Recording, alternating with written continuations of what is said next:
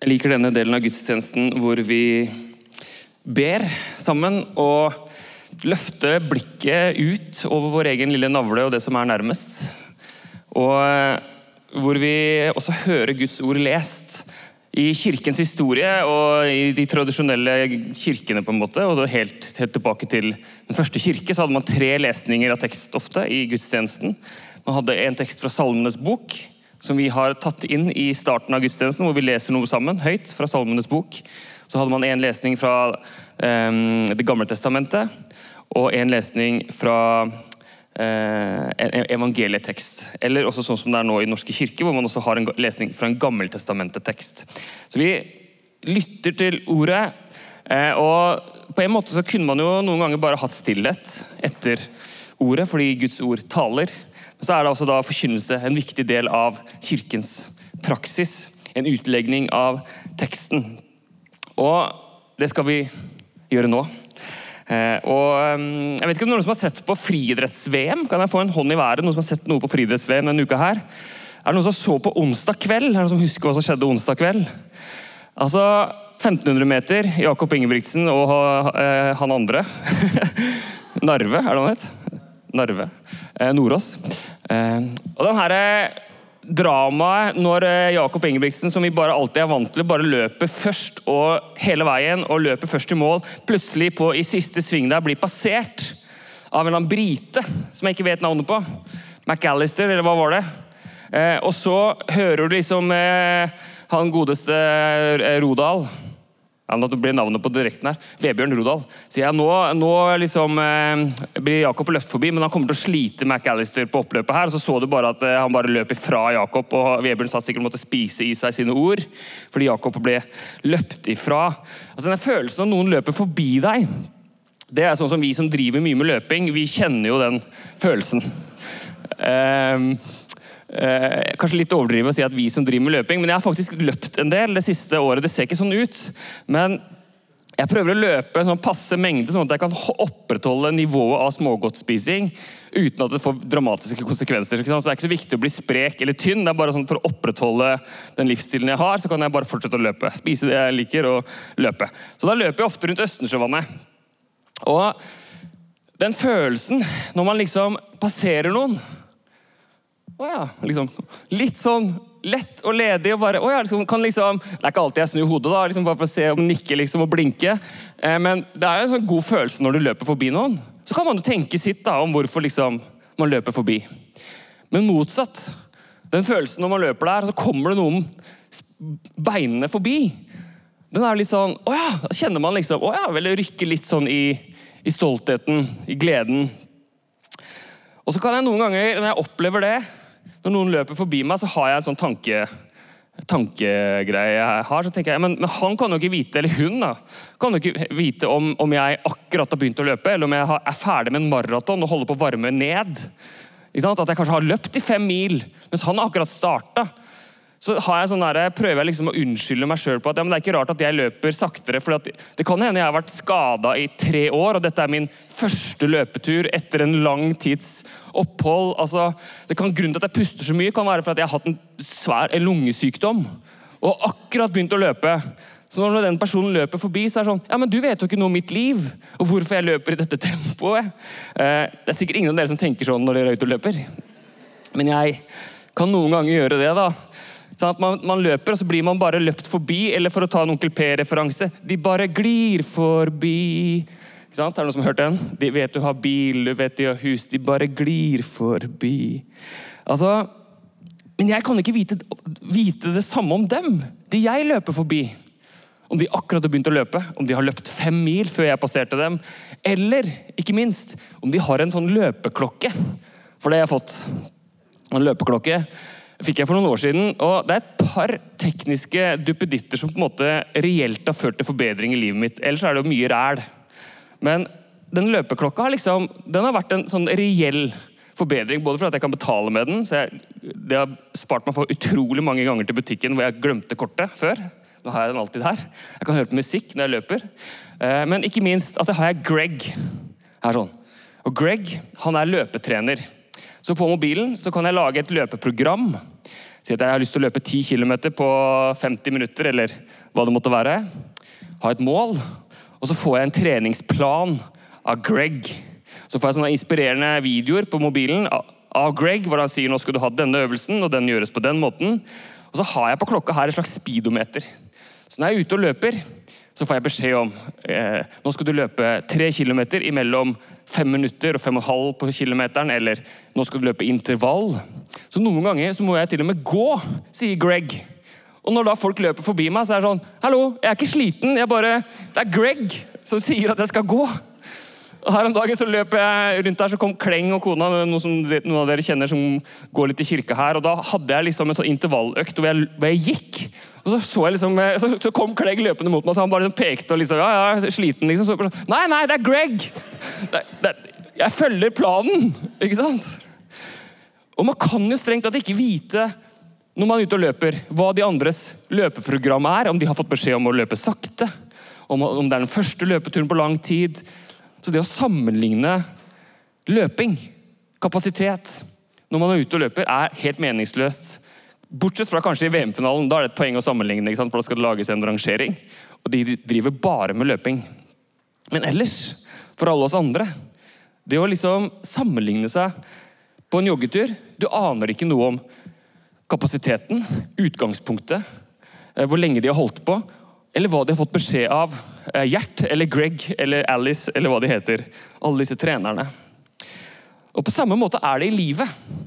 At det å sammenligne seg med noen andre er utrolig korttenkt, men vi gjør det hele tiden. Å ja, å ja hun kan det, ja. Og hun er så flink på det. Eller de har, å ja, de kjøpt seg en ny bil. Ja. Eller man kan sammenligne seg, men så aner man egentlig ingenting om situasjonen. Bakgrunnen hva er utgangspunktet. Eh, og det gjelder også i det kristne livet. At sammenligning gir ingen mening når man sammenligner liksom kristne praksiser eller hvor mye man gjør et eller annet eller bidrar med eller kan. Fordi man vet veldig lite om utgangspunktet og andre sammenhenger òg. Men en gjennomsiktig plastboks Thomas Rudin skrev en gjennomsiktig plastboks. Thomas Rudin skrev for noen år siden i Göteborgsposten en eh, tekst om et stilte spørsmålet hva hadde skjedd om alle kom til gudstjeneste eller møtte hverandre med alle byrdene sine i en gjennomsiktig plastboks. Alle problemene. For vi kan jo på en gudstjeneste klare å liksom holde høyt tempo, for å bruke løpemetaforen. Holde, prøve å holde pusten inne så man ikke kan merke hvor sliten man er. Vi kan klare å ta oss sammen for halvannen time. Vi ser ganske ok ut, alle vi som er her. Kan, det kan jeg bekrefte. Dere ser ganske friske og raske ut. Det er jo en grunn til at dere klarte å komme hit, tenker jeg. Men hvis vi liksom ikke kunne skjule det som var på innsiden eller på undersiden, på en måte Hvis alle byrdene våre, problemene våre, angstene våre lå i disse gjennomsiktige plastboksene Vi hadde kommet bærende med dem alle sammen liksom til kirka. Og vi kunne sett på hverandre Å ja, det er såpass, ja. Og du har den byrden der. Å ja, det visste jeg ikke. Det hadde jeg aldri trodd hadde vi kanskje sagt om, hverandres byrder. Eller vi hadde sagt Har du også den? Det har jeg også. Altså, Hvordan ville det sett ut hvis vi alle kom med alle byrdene våre i gjennomsiktige plastbokser? Og Da sier Thomas Rudin at hvis vi hadde sett på hverandres bokser, så er hans påstand at vi ikke ville ha bytta.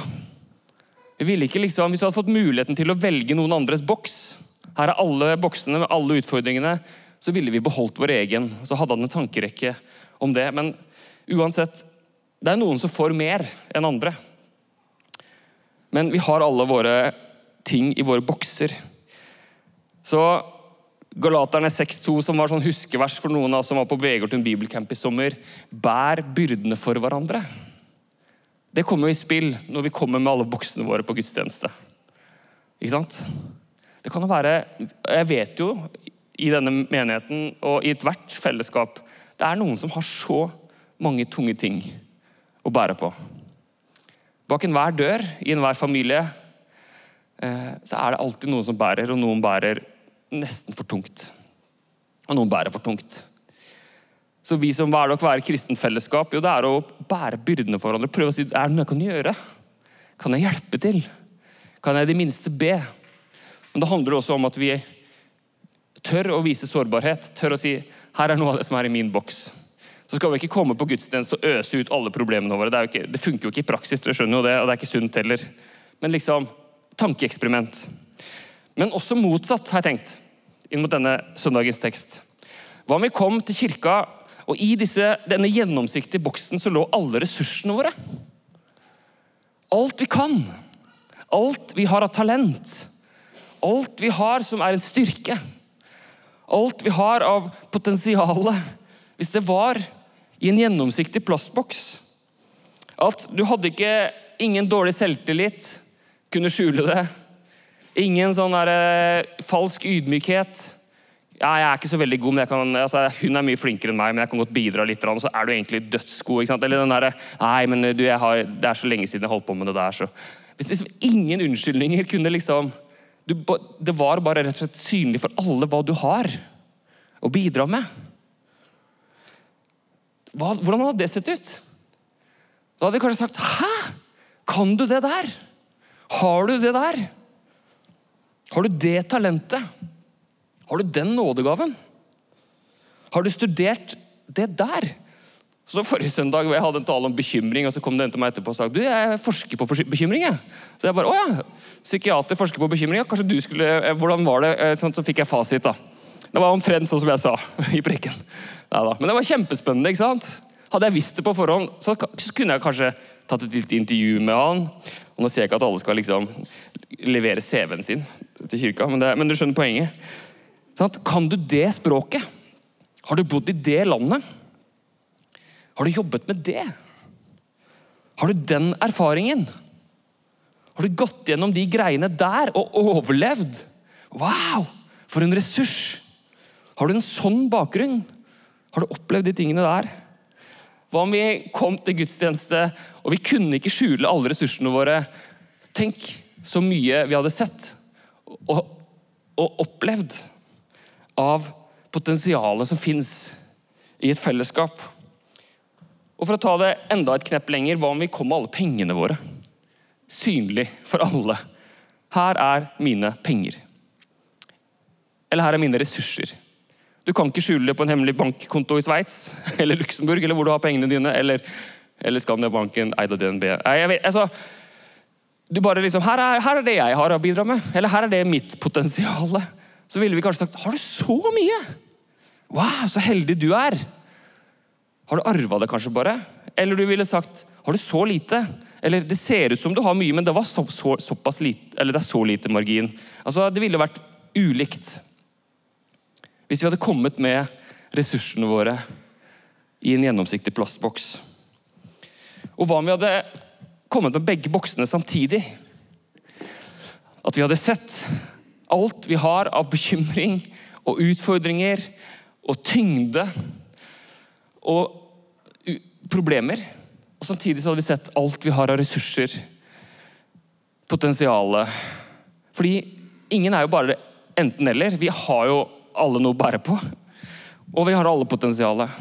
Så ville vi kanskje sett Oi, jeg ser jo at du har enorm ressurs her, men jeg ser jo også den familiesituasjonen din, eller livsfasen du er i, eller hva det måtte være, konflikten på jobben, eller Jeg ser jo også det, så jeg skjønner jo godt at ikke altså, Da ville vi jo liksom møtt hverandre med en sånn Altså Kanskje en sånn stor raushet. Nåde omsorg og en sånn herre Du, jeg heier på deg. Takk for at du bidrar, takk for det du har av ressurser. Dagens tekst handler om en herre som gir sine tjenere ressurser. Slaver kommer det til å stå i neste oversettelse. Denne tjeneren som gir tre av slavene sine ressurser. Lignelsen om talentene fra Matteus 25. Og Det er en krevende tekst.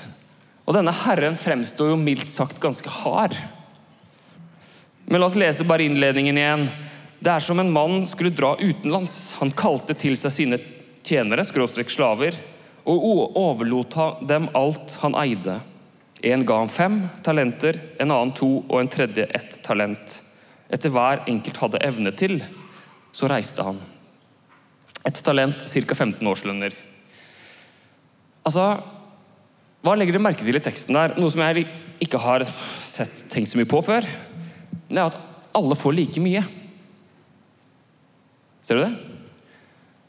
På en måte kan man si det, fordi det står etter hver enkelt hadde evne til. De fikk like mye ut fra det, det de hadde evne til. Det vil si at Den ene fikk fem, den andre fikk to, og den ene fikk én. Så det å sammenligne Å ja, du fikk fem. Mens en som var én, de fikk egentlig like mye. Men det var ulikt. Eh, noen ganger tenker vi at rettferdighet er at alle får like mye. Men som jeg prøver å lære barna når jeg får lov til å ta mer smågodt, i butikken enn de kan, det er fordi jeg har større mage. ikke sant? Så rettferdighet er ikke alltid like mye. Det er ulik mengde avhengig av behov. Men i alle fall én for fem, én for to, én for én. Og så har du han som gravde den ned, ja. Men Herren er hard, står det i denne teksten. Og Hvis du trenger en tekst for å liksom opprettholde et bilde av et kristensystem, så er denne teksten en slags himmelsk eksamenssystem. Så er denne teksten til god hjelp. Hvis du tenker at det å være kristen handler om å gjøre så godt man kan, og så får man en dom, så får man karakter 6, 5, 4 eller stryk, og hvis man stryker, så man, blir man kasta ut der hvor de skjærer tenner. Altså, det er jo en tekst som er ganske sånn Er dette nåde?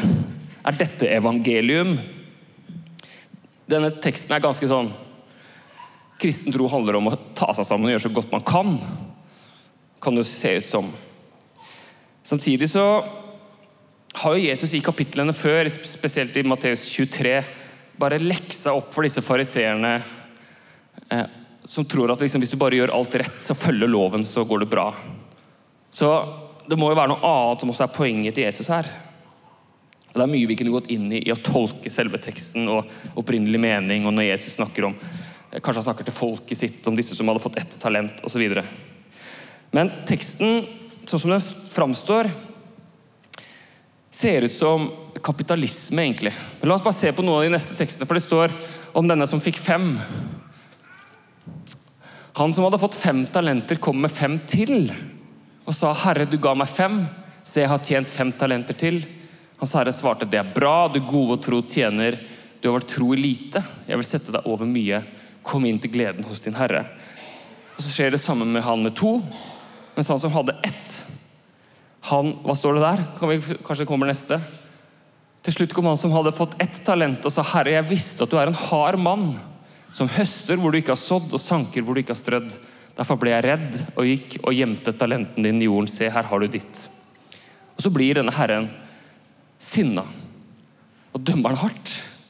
Og sender han ut. Vik fra meg, på en måte. Eller send han ut. Og Hvis dette, denne tjeneren er et bilde på Gud, hvis liksom Jesus sier 'sånn her er Gud', så er det jo en krevende tekst å forholde seg til. Men kanskje en løsningsnøkkel er det som Ole Jakob Filtvedt skrev i Vårt Land denne uka på en sånn søndagstekstgjennomgang, hvor han skrev at Gud utbrer nå sitt voksne rike som med samme grenseløse engasjement som en kynisk og grådig kapitalist som aldri syns formuen hans kan vokse fort nok. At Gud utbrer nå sitt voksne rike med det samme grenseløse engasjement som en kynisk og grådig kapitalist. Det ligner jo litt på Monopol, denne teksten her. Jeg har spilt Monopol noen ganger i sommer med barna. Det er jo ikke et spesielt artig spill, syns jeg, men i alle fall. Men Levi syns det er veldig gøy, fordi han veldig ofte ender opp med alt sammen. Og Monopol slutter ofte med at én bare får alt. Det er en helt vanvittig rå kapitalisme. Jeg lurer på hva sønnen min driver med. Jeg er litt usikker på om han spiller rent spill. Men han ender opp med alt. På samme måte så, så framstilles Herren i denne teksten som en som bare Jeg vil ha mest mulig. Men hva om det er en Gud som bare vil utbre sitt rike, og som vil at vi skal si her har du her har du fått en del. Her har du fått en del. Kapitaliser på det. Bruk det. Del det. La det vokse. Jeg tenker Den teksten minner oss om at vi er forvaltere og økonomos, som det står. Økonomer. Vi har fått noe fra Gud som vi skal forvalte og bruke og gi videre. At vår primære identitet ikke er å være konsument av uendelige mengder TV-serier og alt som bare liksom kommer inn i huset vårt, men vi skal være, for, vi skal være forvaltere. Skapere. Bidra til noe. Og som sagt så virker Gud ganske hard i den teksten, men det kommer jo rett før også dommens dag. Eller rett før eh, korset, hvor Jesus dør og står opp igjen. Hvor Jesus selv får kjenne på det mørket som denne Herren i denne teksten sier at denne udugelige tjeneren skal få ta del av. Og så står han opp med håp og liv. Så det fins noe håp her også. Men vi er kalt til å være forvaltere mer enn forbrukere. Hvordan ser dette her ut som fellesskap? Som et kristent fellesskap. Jeg har allerede snakka om disse plastboksene hvis vi hadde kommet med våre byrder og våre ressurser synlig for alle. Det står noe, det står mange tekster i Det nye testamentet som omhandler dette, og jeg har lyst til å lese to av de. Det er litt sånn ordentlig lange tekster, så nå har vi denne tredje lesningen om man vil, fra Nytestamentet tekst. Fra Romerne 12 først, eller først 2. Eh, Korinterbrev 12. Det er forskjellige nådegaver, men ånden er den samme. Det er forskjellige tjenester, men Herren er den samme. Det er forskjellige kraftige virkninger, men Gud er den samme. Han som er virksom og gjør alt i alle. Hos hver enkelt gir Ånden seg til kjenne, slik at det tjener til det gode. For ved én og samme ånd blir det gitt én å tale visdom, en annen å formidle kunnskap. Én får ved den ene ånd en spesiell trosgave, en annen får nådegaver til å helbrede. Én får kraft til å gjøre under. Én får gave til å tale profetisk, en annen å bedømme ånder. Én får ulike slag av tungetale, og en annen kan tyde tungetale. Alt dette gjør den ene og samme ånd, som deler ut sine gaver til hver enkelt slik han vil. Med andre ord å sammenligne seg gir jo ingen mening. Fordi det er den ene ånd og den ene herre som deler ut sine gaver, så det er ulikt. Men alle gavene trengs. Så det at du er her, betyr at du har fått noe som du skal kunne gi til fellesskapet. Så har vi Romerne 12. Vi har én kropp med mange lemmer, alle med ulike oppgaver. På samme måte er vi alle én kropp i Kristus, men hver for oss er vi hverandres lemmer. Vi har forskjellige nådegaver, alt etter den nåde Gud har gitt oss. Den som har profetisk gave, skal bruke den i samsvar med troen. Den som har en tjeneste, skal ta seg av sin tjeneste. Den som lærer, skal undervise. Og den som trøster, skal virkelig trøste. Ikke bare litt, men virkelig trøste. Den som gir av sitt eget, skal gjøre det uten baktanker. Den som er satt til å lede, skal gjøre det med iver. Den som viser barmhjertighet, skal gjøre det med glede. Altså, du har noe til fellesskapet. Du kommer med noe i denne boksen. Og det er ulikt. Og det er ikke noe poeng å sammenligne seg. Og så har vi også alle våre grunner til at det noen ganger kan være vanskelig å bidra. Men vi har alle noe til fellesskapet. Og I vår tid så er det en sånn enorm individualisering. Og spesielt også etter korona så snakker man i Norge og over hele verden om at folk går sjeldnere i kirke. Det er vanskeligere å få folk til å bidra på regelmessig basis. Fordi vi er blitt enda mer individualister, om vi ikke allerede var det tidligere. Altså, det, bare, det bare smuldrer opp i masse ulike individual, eh, individualiteter. Så det å være kirke og komme sammen på søndag, det er motkultur. Det å si 'jeg blir med på dette her', jeg kan være med å ta ansvar, jeg kan gjøre noe med det jeg har i boksen, det er å gå imot denne individualiseringen. fordi at disse to tekstene handler om at vi hver, hver enkelt individuelt har fått noen ressurser, men til kroppen. Vi tilhører kroppen. Og Det er så mye i Det nye testamentet som vi ikke kan gjøre om vi er individualister, fordi det står så mye om hverandre. Elsk hverandre, tjen hverandre, bær hverandres byrder. Hverandre, hverandre, hverandre. Så det å være individualist og liksom bare tenke meg og min lille familie eventuelt, det er vanskelig å være kristen på den måten. Og Nå må jeg snakke enda litt mer om menigheten. Og dere som har hørt meg gjennom mange år, 18 år, 15 år som hovedpastor nå i sommer, eller i august, slags jubileum, eh, vil jo merke at før, i starten av hvert semester f.eks., så hadde jeg mer sånn motiverende visjonstaler. Og jeg snakka om dette vil vi som enighet', og nå trenger vi dette og dette. Og det at jeg ikke gjør det så mye lenger, det er ikke fordi at jeg ikke har inspirasjon til det, eller ikke helt vet hvor vi skal, eller hva som er riktig, men jeg, det er en teologisk endring, egentlig. Fordi jeg tenker at ja, men gudstjeneste er ikke en motivasjonspreken for å gjøre noe annet. Det er liksom ikke sånn her viser vi fram alt som kirka skal ha og gjøre, og så skal jeg motivere dere til å bidra. Nei, gudstjenesten står på en måte på egne bein. Eh, gudstjenesten er ikke et middel for noe annet.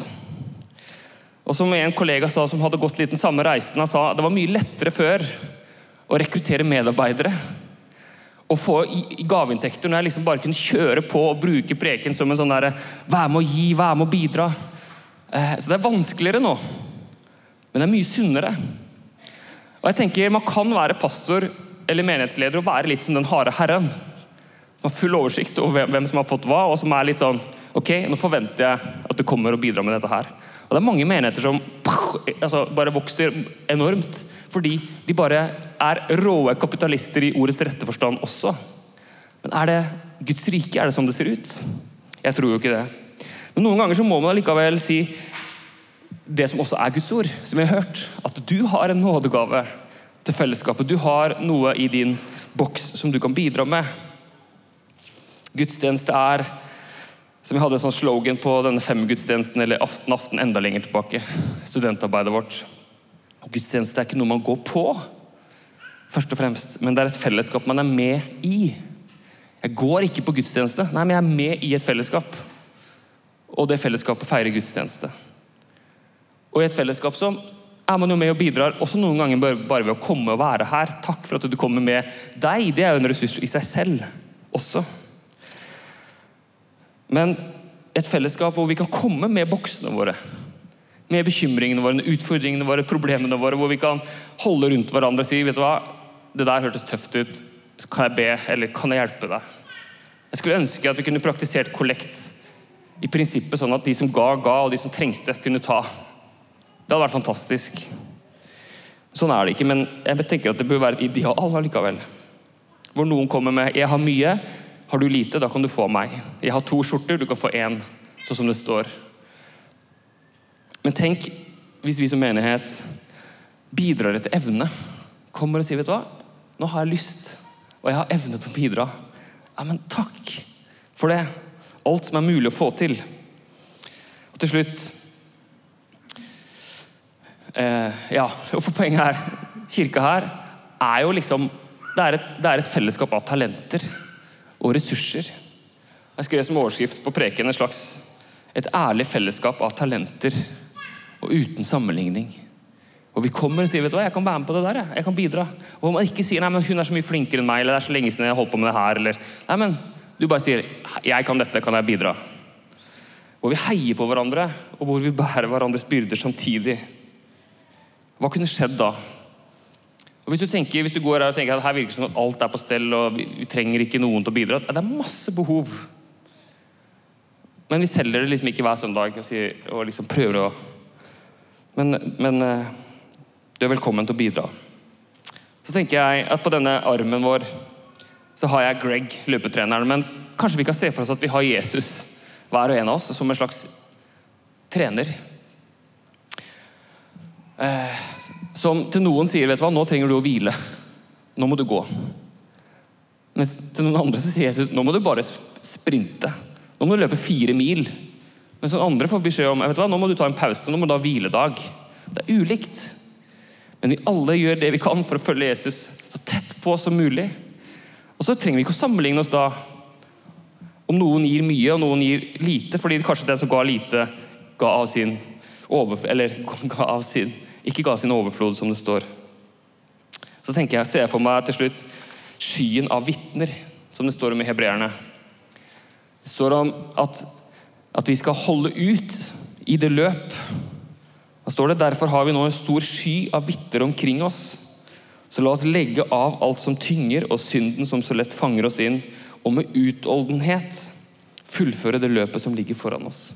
Altså, vi løper i ulikt tempo, med ulike ressurser, med ulike ting som henger fast og er byrder og utfordringer, så har vi en sky av vitner. Både de vitnene som har vært denne kirka før, som nå er Jeg skal se for meg at de er liksom hos Jesus. De som var med og kjøpte de første mursteinene i 1882. De som ga kollekten i 1877. De som var med i Musikkforeningen i 1905, eller de som starta det som ble Misjonskirken Ung i 1917. eller De liksom, de bare ser på oss nå og sier de, 'Kom igjen! Stå på! Hold ut løpet! Vær frimodige!' Og alle kristne gjennom alle tider, som er disse vitnene som det står om. Som bare heier og gir applaus. Og for noen så er det sånn Hvis noen bare klarer så vidt å bevege seg litt, gå fem meter, så bare ser jeg for meg liksom tribunen av vitner bare Wow! Fantastisk! Mens hvis en annen løper én mil, så er det sånn ja, Ikke noe spesiell applaus. For det var jo, det var jo lett. Men det er ulikt. Men denne skyen av vitner som ser på oss, at vi kommer til gudstjeneste med utfordringer, ressurser, og så sier de stå på, hold ut, fullfør løpet, gi av det du har, hvil når du trenger det. Men velkommen til et ærlig fellesskap av talenter, og uten sammenligning.